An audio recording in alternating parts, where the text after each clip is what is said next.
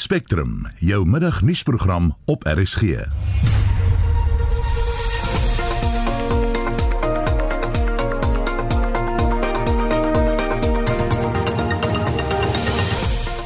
In die program Suid-Afrika se inentingsproses teen COVID-19 begin. Die departement van omgewingsake ondersoek die sterk swaal reuk wat oor gedeeltes van Gauteng hang en die hof bekragtig 'n skikkingsooreenkoms tussen Eskom en Nersa oor die stygings in kragtariewe. Goeiemiddag, die redakteur is John Esterhuizen, produksieregisseur Lewona Bekes en ek is Susan Paxton.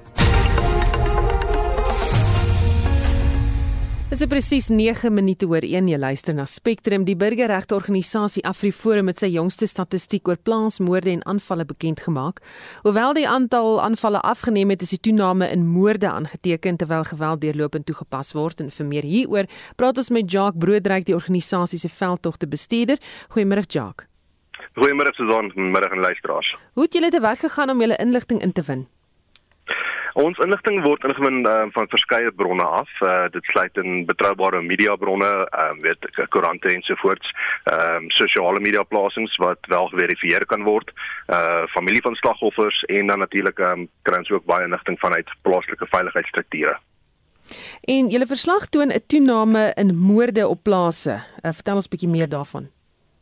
Ja, dit is dis ongelukkig de, wel die geval. Uh, daar was in 2020 was daar 63 moorde op plase gewees in Suid-Afrika uh, in vergelyking met 45 in die jaar voor dit. Daar is egter 'n afname in hoeveelheid aanvalle wat aangemeld is, maar die vlak van geweld wat gebruik word, het nie verminder nie. Ehm um, wat bedoel julle daarmee? Ja, dit, dit is ongelukkig uh, ek dink meeste mense is al wel bewus van van hoe brutaal plaasaanvalle kan wees en ons um, sien net die, die voortsetting van hierdie tipe die marteling en mense wat vir ure lank aangehou word en meegesweet um, baie seer gemaak word voor hulle vermoor word.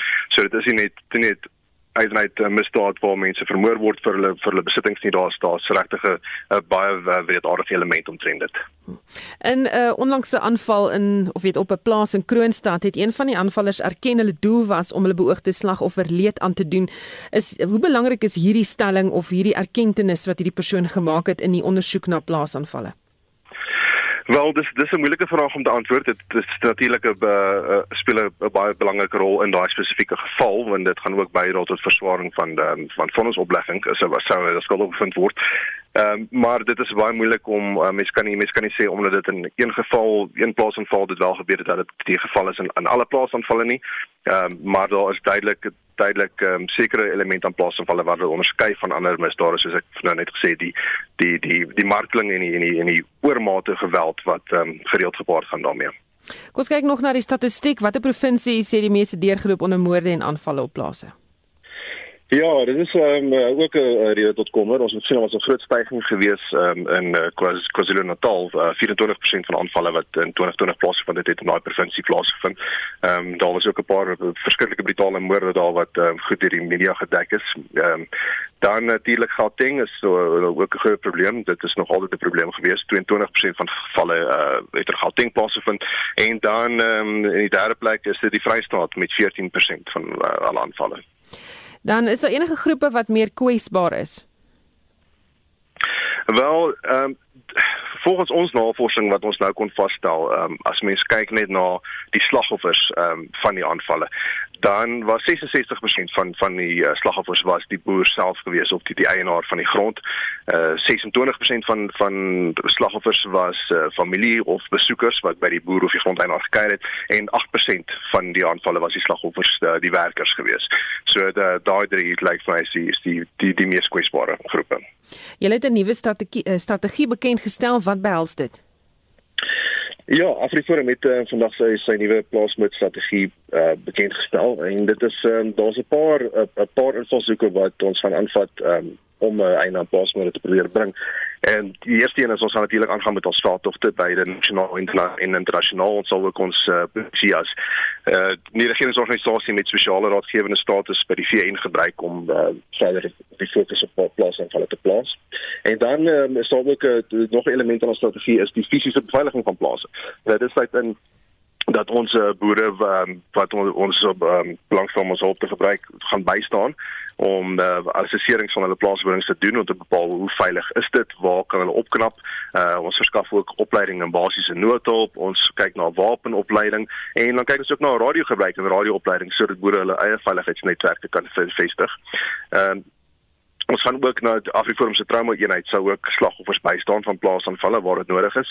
En dan ehm um, laastens gaan ons ook fokus op geregtigheid. Ons uh, privaat vervolgingseenheid sal betrokke raak by gevalle waar ons ehm um, dit voorkom of daar gestuur word met die ondersoek of daar dalk 'n mengery is in 'n ondersoek na 'n plaasaanval en ehm um, dit sal dan ons ons ons derde invalshoek wees om uh, hierdie probleem aan te spreek. Baie dankie dit was Jacques Broederyk Afriforum se veldtogte bestuurder. Die eerste besending COVID-19 enstowwe van Johnson & Johnson het gisteraand in Suid-Afrika aangekom. Die besending van 80000 is na verskillende dele of 80000 enstowwe is na verskillende dele van die land geneem en die eerste dosis is vanoggend reeds toegedien. Esie de Klerk doen verslag. Nadat die enstowwe in die land aangekom het, is dit by BioVac verpak. Hierdie bestuurshoof van die Suid-Afrikaanse Mediese Navorsingsraad, professor Glenda Gray, vanoggend vroeg aan SAFM gesê. The team worked all night to repack the cargo. Uh, the plane landed and we unpacked the cargo around 11. We got to Biovac at midnight and from midnight until around 5.30 this morning, the team were unpacking and repacking and the trucks were, were leaving so that we could deploy the cargo all over the country. The first shipment went out at quarter to four this morning. As we speak, uh, the vaccine have landed in Durban. They're in flight to Kimberley, Umtata and PE. We're scheduled to vaccinate this afternoon. The vaccine for Cape Town arrives around 10 and we're set to start our first vaccine at 12 in Cape Town. So everything is ready. We shipped, uh, has got their hot vaccine. The truck to Limpopo is on its way and the truck has already arrived in Mpumalanga and in Pretoria. So we are scheduled to start vaccinating this afternoon all over the country. It's our aim that at least we'll all start in the afternoon. Die voorsitter van die Suid-Afrikaanse Mediese Vereniging, Dr. Angelique Kutse, sê daar is twee staatshospitale per provinsie geïdentifiseer waar gesondheidswerkers die entstofdosisse sal ontvang. In die Oos-Kaap is dit Livingstone en Nelson Mandela. In die Vrystaat is dit Universitas in Pelonomi. Gauteng is dit Chris Hani in Spika KwaZulu-Natal en Kosi Albert Lutuli en Prins Mishini en dan in Limpopo Pietersburg, Manpaing, Mpumalanga, Rob Ferreira, Witbank, Noordwes, Klerksdorp en Job Tabani. Noord-Kaap het, het ongelukkig net een hospitaal en dit is Robert Sboko. Wes-Kaap is Grote Skuur en Tygerberg Hospitaal. So al hierdie hospitale het nou hulle gaan weet waar die vaksines gaan wees. Daar is uitgewerk hoeveel vaksines hulle per hospitaal gaan gee. Toe die AstraZeneca-enstof 2 weke gelede in die land aangekom het, moes dit eers na die nasionale laboratorium geneem word vir kontroletoetse. Professor Gray verduidelik hoekom dit nie nodig was met die Johnson & Johnson enstowwe nie. J&J has international laboratories that are doing the, the certificate of analysis and the potency assays and so this this is part of the uh, of a manufacturing capability So you don't have to use the local lab because the international labs are accredited and there's bilateral agreements to use other labs if you have them and, and they know that they're credible um, that are doing the work. Dr Kutse sê 2/3 van die 80000 entstowwe word aan die staat gegee en 1/3 aan die privaat gesondheidssektor. Gesondheidswerkers moet op 'n aanlyn platform aansoek doen om ingeënt te word hulle moet ongelukkig registreer op die twee die een is die vaksin enroll.health.gov uh, of die EVDS stelsel en die ander is vaccines for healthcare workers. Hierdie twee stelsels praat met mekaar en as jy op die een is op die uh, vaksin for healthcare workers is vir ons eintlik vir die algemene praktisyns vra om te registreer en hulle kan al hulle personeel ook daarop sit. Die oomblik wat hulle seker gemaak het hulle is op die lys en hulle is geregistreer, dan kan hulle by bookings dot for healthcare workers dot co dot za dit vat jou minder as 1 minuut. Dr Kutse sê die enstowwe word toegedien deur dieselfde personeel wat verantwoordelik was vir die Johnson & Johnson enstofproewe in Suid-Afrika. Professor Gray sê proewe het aangedui dat die enstof werk teen ernstige koronavirusgevalle en dis belangrik vir Suid-Afrika omdat die enstof getoets is op die huidige variante van die virus in die land. Know this vaccine works in South Africa. 15% of the, po- of the population of the trial that showed efficacy was conducted in South Africa. We know what happened with mortality and morbidity in South Africa. Sy sê wetenskaplikes sal nou in werklike tyd kan sien hoe die entstof bestand is teen die variante van die virus in Suid-Afrika. We will be able to, in real time with this rollout, is to sequence breakthrough infections and keep an eye on how this vaccine if the virus evades this vaccine and how it does it so that we can change the immunogen in the vaccine for the future. So we will be doing real time analysis on any breakthrough infections to see whether if the virus is breaking through and how so we can help us design a new vaccine if we need to in the future. Dr Kutse sê die volgende entstof dosisse sal eers in die land arriveer wanneer die 80000 entstowwe gebruik is en die proses word streng beheer. Ek is Estie de Klerk vir SAK nuus. Snou bykans 20 minute oor 1. Die tweede vlag van COVID-19 infeksies en die terugkeer na strenger vlakke van inperking het 'n demper op handelstoestande in die land geplaas. Dis volgens die jongste handelsaktiwiteite indeks wat deur die Suid-Afrikaanse Kamer van Koophandel en Nywerheid bekend gemaak is. Ons praat nou met die ekonom Richard Downing oor die en ander syfers wat bekend gemaak is. Goeiemôre Richard. Goeiemôre Susan. Hoe het die handelsaktiwiteite indeks toe nou vertoon? Wel, soos jy nou net gesê het, die wet uh, in November het die indeks vir vir handelstoestande gestaan op 47. In Desember het hy eintlik afgekom na 39 toe. En in Januarie nog 'n bietjie verder gedaal na 34 toe. So dis 'n omgewing wat nie baie bevorderlik is op die oomblik vir die handelstoestande en eintlik 'n bietjie negatief is in 'n sekere sin. En wat was die impak op verkope en nuwe bestellings? Wel, dit was jou grootste impak eintlik 'n redelike sterk soort van impak gehad op verkope en en op bestellings en eintlik dit was die twee twee elemente van jou van jou handelsomgewing wat redelik ernstig uh, uitgewys het dat daar 'n probleem is. En ehm um, en en as mense gaan kyk eintlik na na hierdie uh, Januarie uh, uh, 2021 teenoor Januarie verlede jaar, dan is daar 66% van jou handelaars wat eintlik 'n uh, soort van baie negatiewe omgewing ervaar het in terme van handel. So dit lyk nie op die oomblik baie goed nie. En uh so on, ons gaan maar moet sien in, in watter terme uh, dit uh, dit vorentoe gaan, maar as 'n mens kyk na verwagtinge weer, dan sien ons dat uh, in November reeds het die verwagtinge rondom al Black Friday nie vir heeltemal voldoen aan wat wat verwagtinge was nie. En daar het hy met 11 punte gedaal in November. Ons sien in Desember was die verwagting indeks op 43. Dit beteken uh op 6 maande vorentoe het hulle in Desember 43 uh, uh was was die indeks 43 in terme van verwagtinge, 'n redelike negatiewe syfer ook. En dan in Januarie het daai syfer redelik afgekom na 38 toe. So verwagtinge selfs oor 6 maande lyk nie baie goed te be oomblik in terme van jou handelsomgewing nie. Ek wou net vir jou vra, jy weet, wat is die langtermyn vooruitsigte? Ja, nee, dit is, is presies waarmee ons doen en ek dink as mense ook kyk na, jy weet ons nou nou kom met verbruikerspryse en so en ook sal mense sien op die insetkant van van van jou van jou handel het jy nog maar redelik pryse wat redelik opwaarts lig of, of sterk opwaarts lig tot 'n mate en 70% van jou respondente ervaar nog redelike sterk stygings in insetkoste. Maar op die verkoopkant, uh, ek bedoel jou verbruiker wat onder druk is, en dan ook soort van die inperking soos jy gesê het, het redelike demper geplaas op ver, op verkope tot 'n mate en verkoopspryse asook ook. So die handelaars het nie redelike uh, ruimte om eintlik pryse te verhoog nie en um, op die oomblik is dit maar net 'n kwessie van om om om aan die lewe te bly tot 'n mate. Dan statistieke Suid-Afrika sê verbruikersprysinflasie het op die jaargrondslag van 3,1% in Desember tot 3,2% in Januarie gestyg. Um, wat was die grootste bydraende faktor hier? Wel interessant eh, wat as 'n mens gaan kyk na jou groot bydraende faktor, is dit maar eintlik tot groot mate was dit voedsel geweest. Uh, voedsel het so met 5.4% gestyg jaar op jaar en vleis veral was hier 7.2% hoër as 'n jaar gelede en olie en vette ook selfs heelwat hoër met 10.5. So dit was jou groot elemente wat eintlik bygedra het daartoe. Dienste self was ook hoër as die algemene uh, inflasiekoers. Dienste het hier met 3.6% gestyg en dan gesondheidsdienste ook met 4.5. Onderwys onder andere 'n uh, ander element uh, wat die verbruiker ernstig geraak het in terme van pryse is is het met 6.4% gestyg. So ons sien daar is 'n hele aantal soort van sterk stygings eintlik wat die inflasiekoers dan op die uiteinde op 3.1% gebring het wat of 3.2 wat eintlik eintlik die gevolg was 'n paar van die elemente wat eintlik geen stygings of dalings getoon het nie.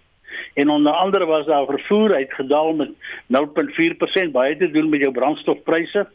En dan en dan sien ons ook uh, jou hotelle en restaurante en jou verblyf het soort van ook net net gestyg met 0.3%. So daai was nou weer positiewe faktore wat gesorg het dat inflasie in die algemeen daarom hier by die 3.2% eindig vir ja vir, vir Januarie. Sal inflasiekoers nog verder styg in die toekoms? Wel ek dink die kans lyk baie goed as mense nou net kyk hier na wat gebeur op die oomblik met jou brandstofpryse. Dan sien ons die oliepryse as sulks uh styg hier in randterme met 6.9%. In dollar in, do, in dollar terme het hy 9% gestyg. So jou sterker rand dra bietjie by om te sorg dat die dat die uitkoopbou dan nie heeltemal verplant word in terme van brandstofpryse nie.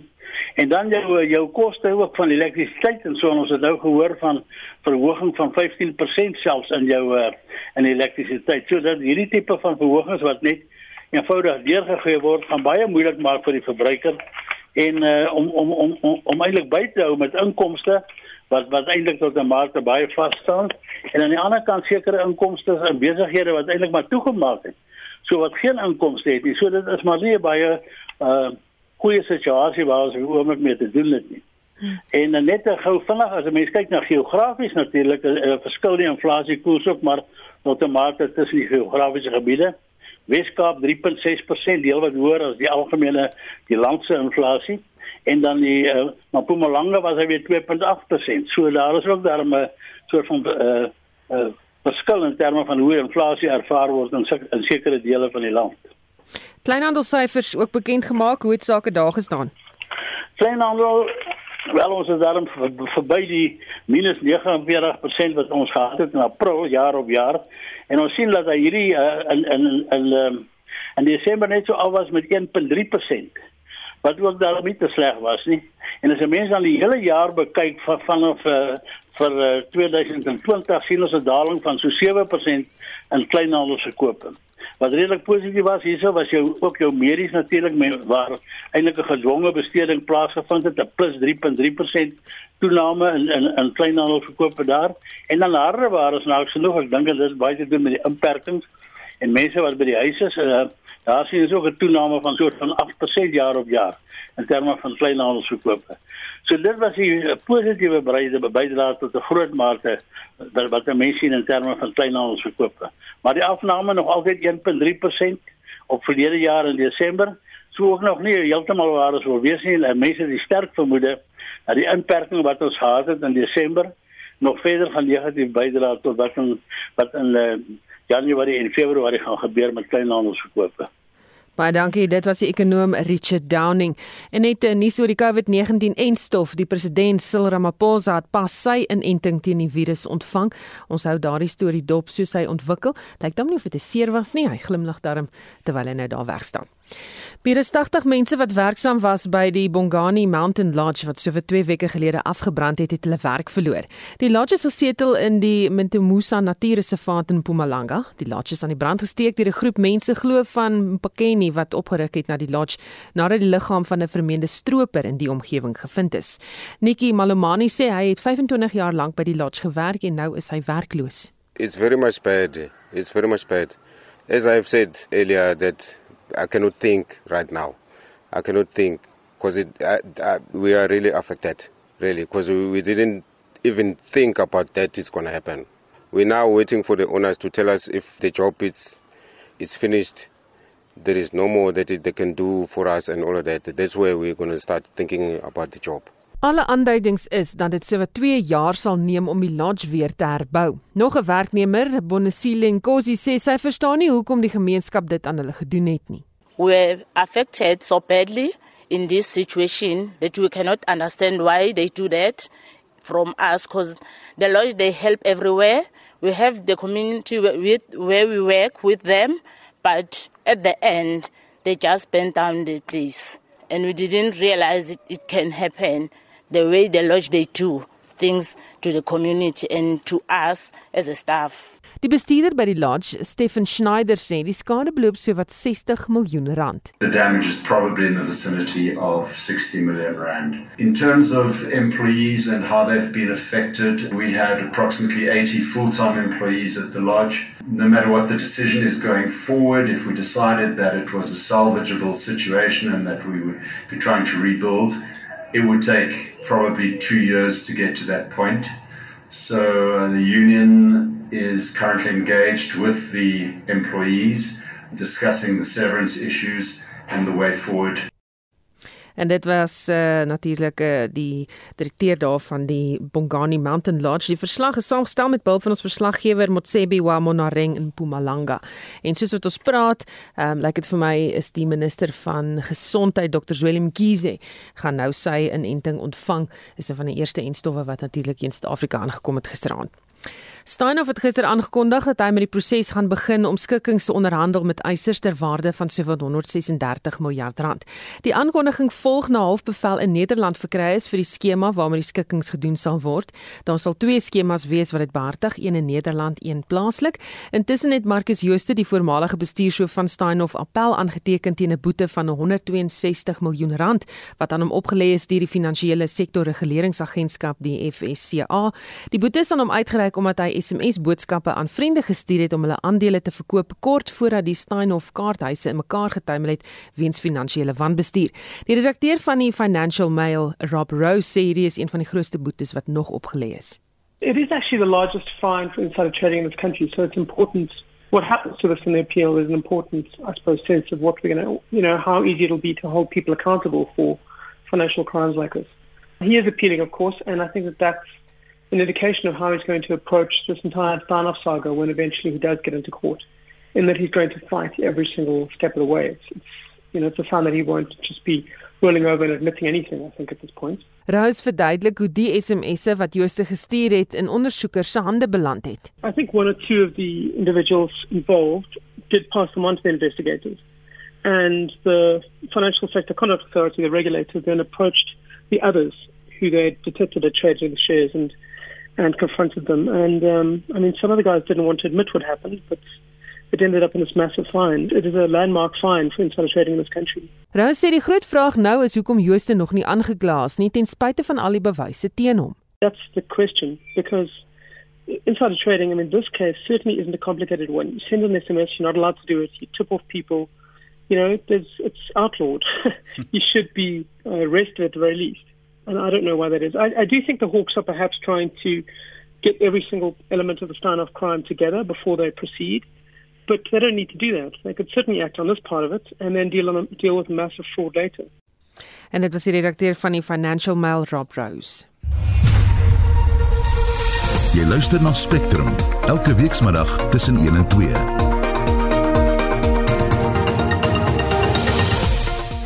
In die tweede helfte van die program, die Suid-Afrikaanse Menseregte Kommissie het sy bevindinge oor die stort van rou riool in die Vaalrivier bekend gestel.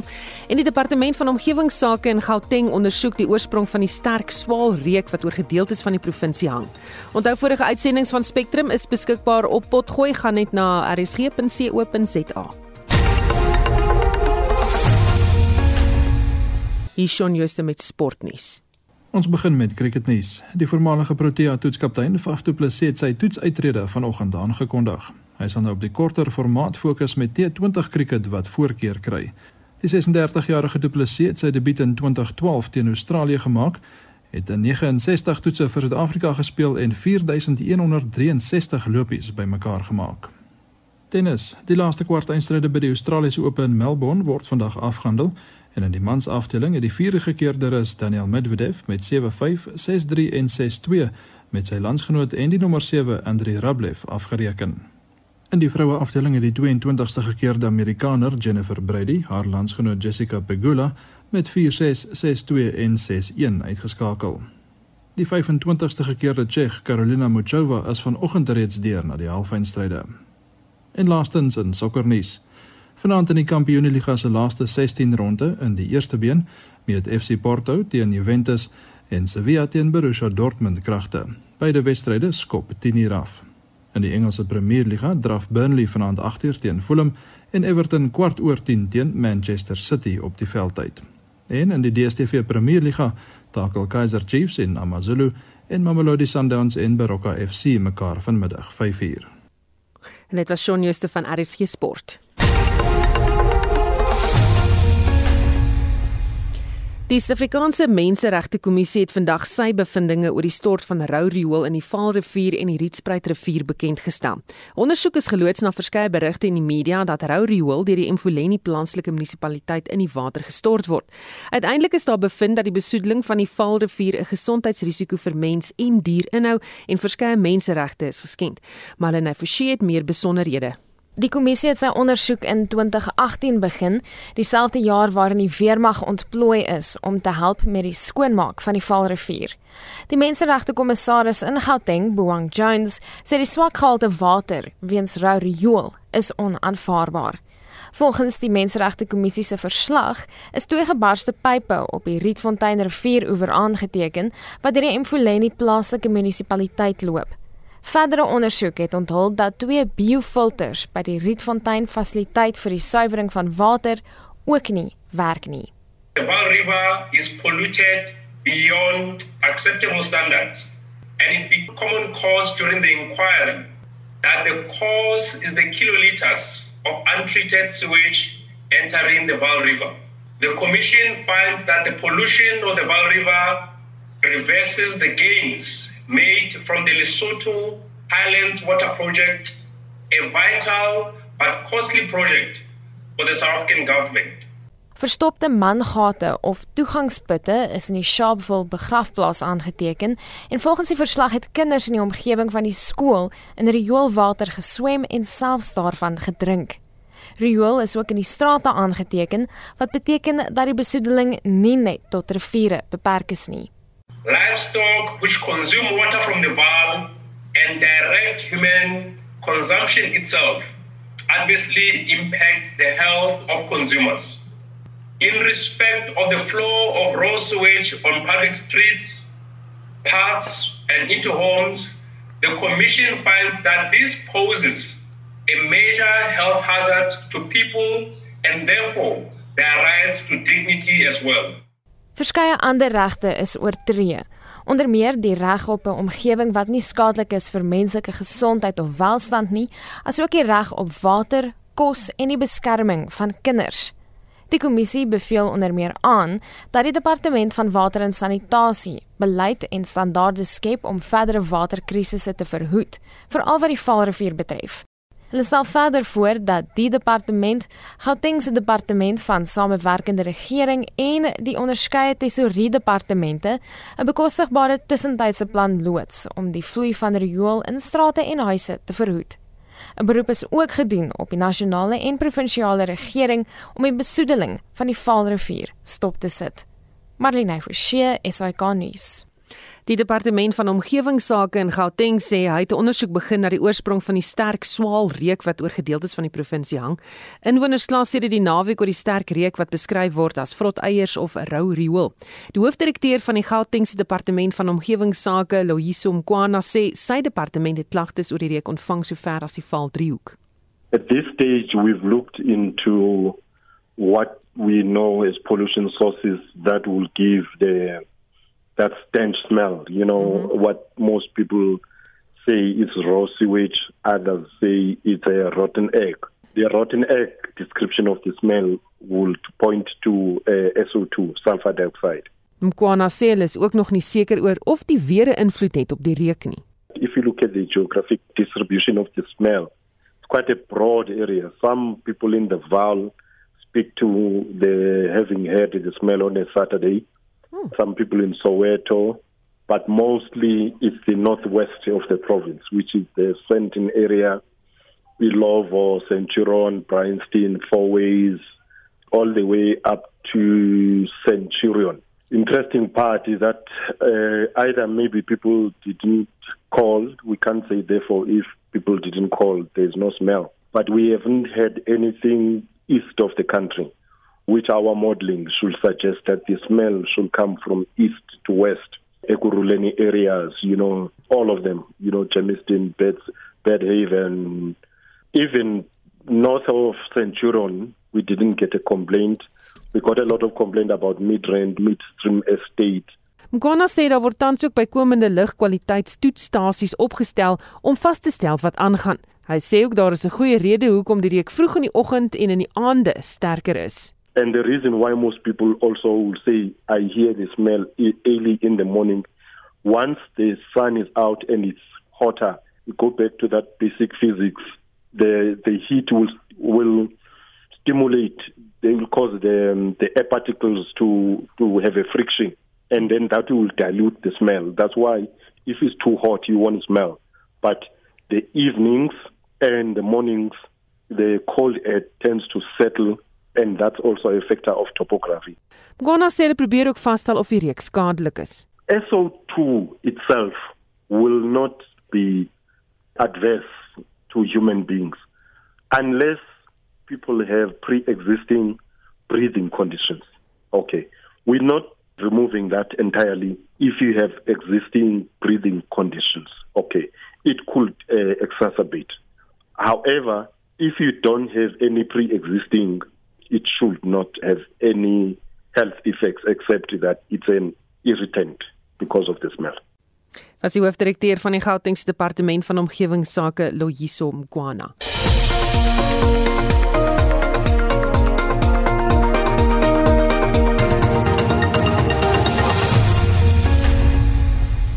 Se 1342 jy luister na Spectrum, 'n skikkingsooreenkoms tussen die kragrees Eskom en die nasionale energiereguleerder van Suid-Afrika oftelwel NERSA oor die stygings in kragtariewe vir hierdie jaar is nou bevel van die hof gemaak.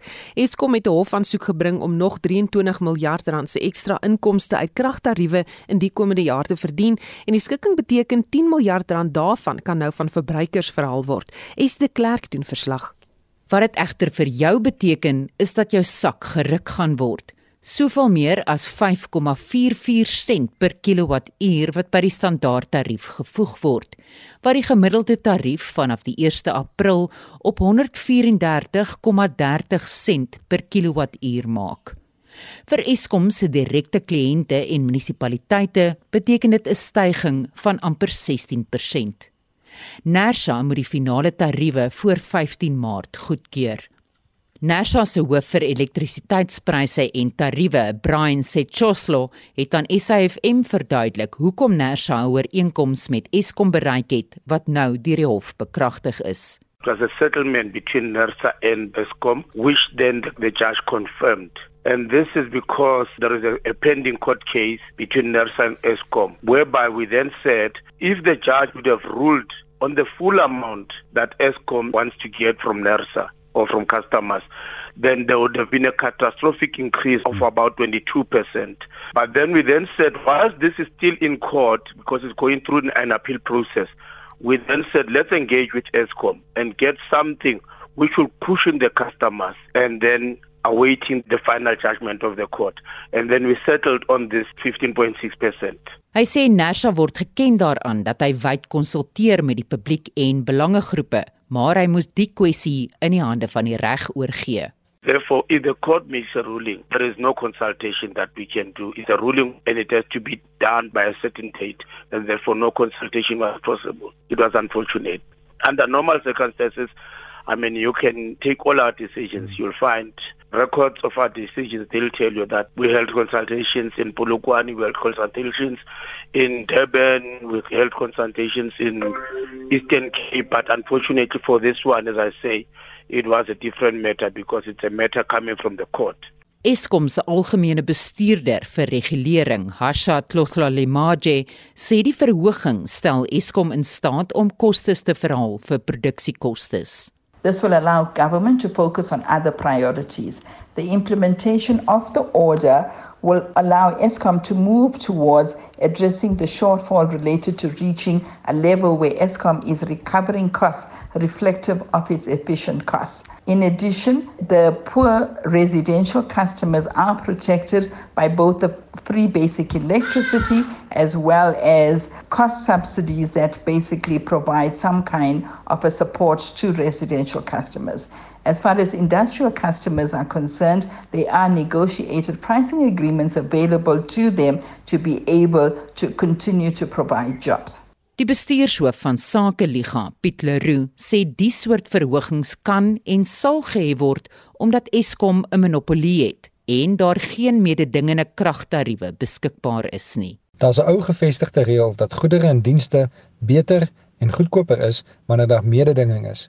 Wanneer ons nou weer eens moet hoor dat ondernemings in die publiek in Suid-Afrika 15% of andersins meer op krag moet betaal, is dit omdat daar 'n eensydige diktering vanaf die kant van die regering en Eskom as 'n staatsorgaan kan plaasvind oor wat die prys van elektrisiteit moet wees.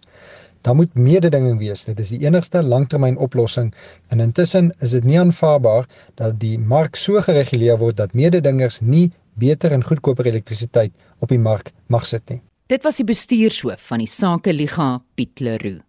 Ek is Estie de Klerk vir SAK nuus. 'n Student aan die Departement Elektriese en Elektroniese Ingenieurswese by die Universiteit Stellenbosch, Jason Samuels, doen nou navorsing oor hoe openbare skole geld op die koste van elektrisiteit kan bespaar. Mitsie van der Merwe het by Samuels gaan uitvind waar my die studie doen. My PhD gaan oor hoe skole energie gebruik en dan hoe hulle energie kan spaar. En ons het afgekom op so drie maniere hoe hulle dit kan doen. Jy het gaan kyk na 23471 openbare skole en hoeveel krag het hulle per jaar gebruik? Hulle gebruik 'n massiewe 3.5 terawattuur per jaar en die koste van daai is omtrent so 5 miljard rand. Jy het nou gekom met oplossings. Hoeveel verloor skole elke jaar as gevolg van ou ligte? Spesifiek as gevolg van ou ligte verloor hulle so tussen 21% en 39% en dis omtrent so 1700 rand per maand tot 3000 rand per maand. So hoeveel kos dit vir hierdie skole om al hulle ligte na energie doeltreffende ligte om te skakel? As hulle dit sou doen en as hulle die beste energie doeltreffende lig sou kies, sou dit omtrent so 120 000 rand wees per skool. En hoe lank gaan dit hulle neem om hierdie belegging terug te spaar? So dit is waar die goeie nuus aankom.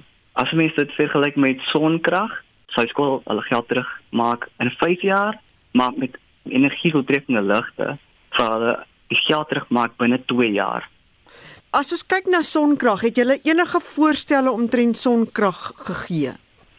Omtrent sonkrag, ons het net 'n bietjie analise gaan doen en ons het gesien in terme van keuses as ons nou so energie effektief ja, as nou vir dit sou gaan of vir sonkrag sou mens eerder die energie doeltreffendheid wil doen want die geld wat hulle terugkry dis net so so vinniger. Plaas van sonkrag gebruik liewer die doeltreffende ligte en bestuur dit goed en dan is dit goedkoper. Ja dis presies. So op daai manier kan elektrisiteit gebruik word om baie te bespaar die skole bring dan hulle las af wat bietjie vir Eskom help en beslis vir die skool help en hulle spaar geld en dan ook omdat ons land so koolstof of swaar is met ons krag, gaan ons ook vir die omgewing bietjie uh, goeie goeie dinge doen. Hoe lank sal dit neem om sonkrag se belegging terug te betaal? Daardie belegging vat so tussen 5 jaar en 8 jaar. Nou dink jy dat die staat gaan luister na julle? Gee julle hierdie raad aan hulle? Ek hoop hulle luister. Ons praat met hulle, ons deel al die inligting wat ons kan. Ons nou elektrisiteit kan lei tot baie besparings hmm. en ons net ons geld bestee en in die rigting sit van beperkte beleggings want dis in die armer skole en selfs in die ryker skole is daar ou oneffektiewe ligte wat lankal moes vervang word. Hmm. So as ons daai ligte kan vervang, dit gaan baie geld spaar en daai geld kan dan gebruik word vir opvoeding en vir ander goeie goed. Wanneer kry jy jou doktorsgraad? ek hoop aan die einde van die jaar maar ja die dokters gaan maar net iets op die sy ek dink die projek is 'n baie goeie projek wat ons baie geld kan spaar deur ons land ons het nou in Stellenbosch die projek begin en ons gaan uit na Perusse skole toe en ons gaan daarso doeltreffendheid doen maar ons hoop om die projek regtig vir met die land te deel. Wat noem julle die projek? Op die oomblik is dit maar die skole energie projek Jason Samuel se doktorale student van die departement elektriese en elektroniese ingenieurswese aan Universiteit Stellenbosch en hy het met Mitsi van der Merwe gepraat. Die finansiële jaareinde is vir die meerderheid maatskappye amper op hande en dit beteken ook dat maatskappye nou moet aansoek doen vir hulle breë basis swart ekonomiese bemagtiging telkaart. Direkteure kan dalk dink die hernuwing van die status is minder belangrik in die onseker tye, maar 'n kenner waarsku daarteen. Esie de Klerk doen verslag. Maatskappye wat 'n meerderheid wit aandeelhouers en 'n omset van meer as 10 miljoen rand per jaar het, moet jaarliks aansoek doen vir 'n breë basis swart ekonomiese bemagtigingssertifikaat. En die registrasie moet jaarliks hernu word, sê Dion Oberongser, die uitvoerende hoof van Gestalt Growth Strategies, 'n swart ekonomiese bemagtigingsmaatskappy in Johannesburg. Die punt rondom swart bemagtiging is dat dit is nou deel van die manier hoe die ekonomie werk. As jy veral in 'n besigheid tot besigheid omgewing funksioneer waar jou kliënte vir jou sê hulle hulle betelkaart hê, Hulle verwag dit van jou. Ons is nou by die punt verby wat jy kan vorendag kom en sê dis te moeilik of is dit of dit dat. Hulle verwag van jou want hulle het dit nodig vir hulle eie telkaart. So hulle verskaffingsketting, hulle punte wat hulle kan kry vir hulle van hulle verskaffers af, dis vir hulle nodig. Jy doen dit nie want jy het 'n probleem en dan val jy van hulle verskaffingslyste af. As jy dit ignoreer, dan stel jy jou maatskappy eintlik nog verder bloot aan risiko wat regtig nie noodwendig nodig is nie. COVID-19, soos wat ons almal weet, het 'n noemenswaardige impak gehad op sake ondernemings. Hoekom is dit juis nou in hierdie tyd vir maatskappye so belangrik om werk te maak daarvan om betyds hulle registrasies in plek te kry? Wat ons kry op die oomblik is dat baie maatskappye omdat hulle so verskriklik besig is om te oorleef in die COVID-tyd. En 'n mens moet ook terugstaan en sê, hoe affekteer COVID 'n maatskappy. Ons het verskeie kliënte wat eintlik dit mee uitstekend gaan. Ons het 'n kliënt wat in in winkelkomplekse higiëne is en hulle kan nie voortbly. Ons het 'n kliënt wat in vervaardiging is en hulle kan nie suurstof kry nie, want die suurstof gaan na die hospitale toe. En dan het ons 'n paar kliënte wat in die restaurantbedryf en die toeristebedryf is. Hulle is toe. So elke maatskappy ervaar COVID anderster en 'n mens moet dan nie die die stelling maak in terme van die mark as 'n geheel nie. Mens moet teruggaan en gaan sê jy as besigheid, kan jy volgende jaar wanneer jou huidige sertifikaat verval nie nog een op die tafel sit nie of kan dit dalk veroorsaak dat jy gaan besigheid verloor? En as jy eerlik daarna kyk, alhoewel jy voel jy's onder aanslag op die oomblik as gevolg van die impak van die virus, as jy by daai tyd kom, dan verhoog jy jou risiko en ewe skielik kom jy agter dis dalk die laaste strooi en nou verloor jy die belangrike kontrak wat jou help oorleef het. En as maatskappye hierdie spertyd mis van einde Februarie, watter gevolge kan dit hê? So die manier hoe swart bemagtiging werk is dit is gebaseer op jou finansiële jaar einde. En meeste maatskappye in Suid-Afrika, seker so 80-85% het 'n Februarie jaar einde. Dis baie algemeen en meeste mense werk rondom daai datum. So daar's sekere van die elemente van die telkaart soos jou opleiding en jou ontwikkeling van jou verskaffingsketting soos die die kodes dit noem enterprise supplier en socio-economic development. Daai goed moet geïmplementeer word binne jou finansiële jaar. As dit nie gedoen is voor die laaste dag van Februarie, dan is dit laat. Dan kan jy nie teruggaan in jou jaar nie. Dan moet jy wag vir die einde van jou volgende finansiële jaar voordat jy weer kan regmaak. En my bekommernis op hierdie stadium van die geveg op hierdie dag in die jaar is dat daar's baie maatskappye wat so besig is om te oorleef en te veg dat hulle sit nie hierdie op die prioriteit en dan wat gebeur Augustus maand as of wanneer ook al hulle hulle sertifikate val wat doen hulle dan? Kan hulle dan oorleef tot in die volgende jaar? Nou as die antwoord ja is goed maar daar's baie min maatskappye wat 'n telkaart moet hê wat kan wegkom vir 'n jaar sonder een Dit was die uitvoerende hoof van die swart ekonomiese bemagtigingsmaatskappy Gestalt Growth Strategies en ek is Estie de Klerk vir SAK nuus. Lede van die Suid-Afrikaanse Vereniging vir Plaaslike Regering, SALGA, het met 'n veldtog begin om persoonlike beskermende toerusting aan munisipale werkers reg oor die land te skenk. Die skenkings is gemik op munisipale vullisverwyderaars, gesondheidswerkers, water- en sanitasiebeamptes en diegene wat in begrafplase werk. Die Oudtshoorn munisipaliteit in die Klein Karoo is die jongste wat voordeel uit die inisiatief trek, Tanya Krause doen verslag. Salga personeel, raadslede en munisipale amptenare het gereageer op die president se oproep om finansiëel by te dra tot die stryd teen die COVID-19 pandemie. 'n Besending is met groot vanvare in Oudtshoorn afgelewer. Salga Weskaap se bedryfsdirekteur, Khalil Mulaji.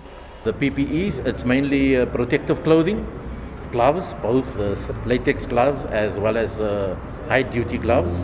Uh, and that's mainly for your frontline workers because that's I think where the risks is high and, and they are vulnerable and exposed to the virus. So that's why we decided on that because hand sanitizers and masks seems to be in abundance and it's being supplied by a number of, of government departments.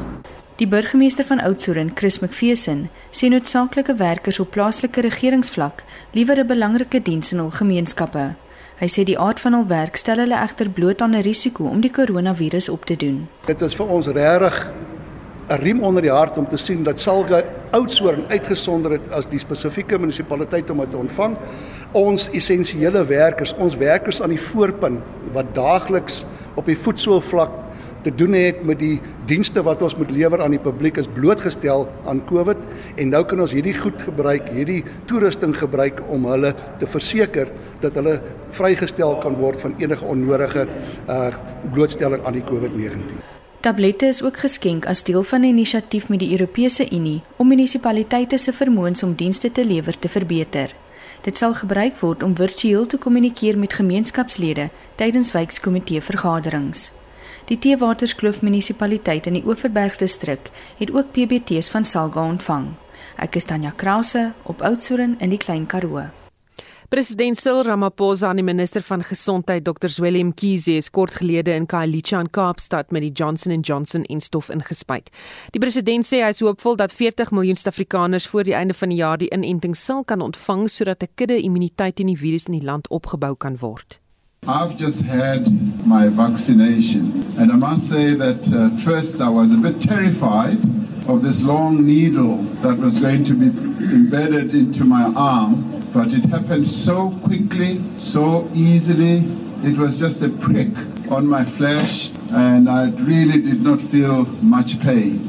This day represents a real milestone for us as South Africans that finally the vaccines are here and they are being administered.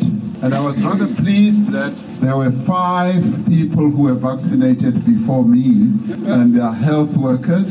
And it was a joy to watch them to see whether anything had happened to them. And gladly, nothing had happened to them. And uh, it means that being vaccinated is a fairly straightforward process. And I'd like to invite South Africans to take this up so that we can all be safe, we can all be healthy. But I also want to thank the Minister for having worked so hard. Minister Mkize spent sleepless nights making sure that the change from the earlier vaccines that we had acquired, which proved not to be so effective against the variant we have, happened so quickly and so smoothly. I can tell you that he spent sleepless nights sending me text messages almost every hour. And it was a joy to finally get his text message that President, the plane has now left Brussels. And he showed me the photograph of the plane as it was being loaded and every step of the way. Nou ja, die stem van die president Cyril Ramaphosa wat gepraat het kort na hy die enstof ontvang het in Khayelitsha in Kaapstad. Onthou vorige uitsendings van Spectrum is beskikbaar op Potgooi gaan net na die RC webblad dis uh, www.rc.co.za. Vind ek nog verkeersnuus, daar was 'n botsing hier in Johannesburg. Ehm um, sien of al eerder daar staan 'n voertuig op die N1 suid by die Bekloo wisselaar en dit maak dat die verkeer bietjie stadig is daar. Nou ja, nog daarmee groet ons namens ons waarnemende uitvoerende regisseur Wessel Pretoria, die redakteur Jan Estreisen en ons produksieregisseur is Lewona Bekes. My naam is Susan Paxton. Geniet jou middag.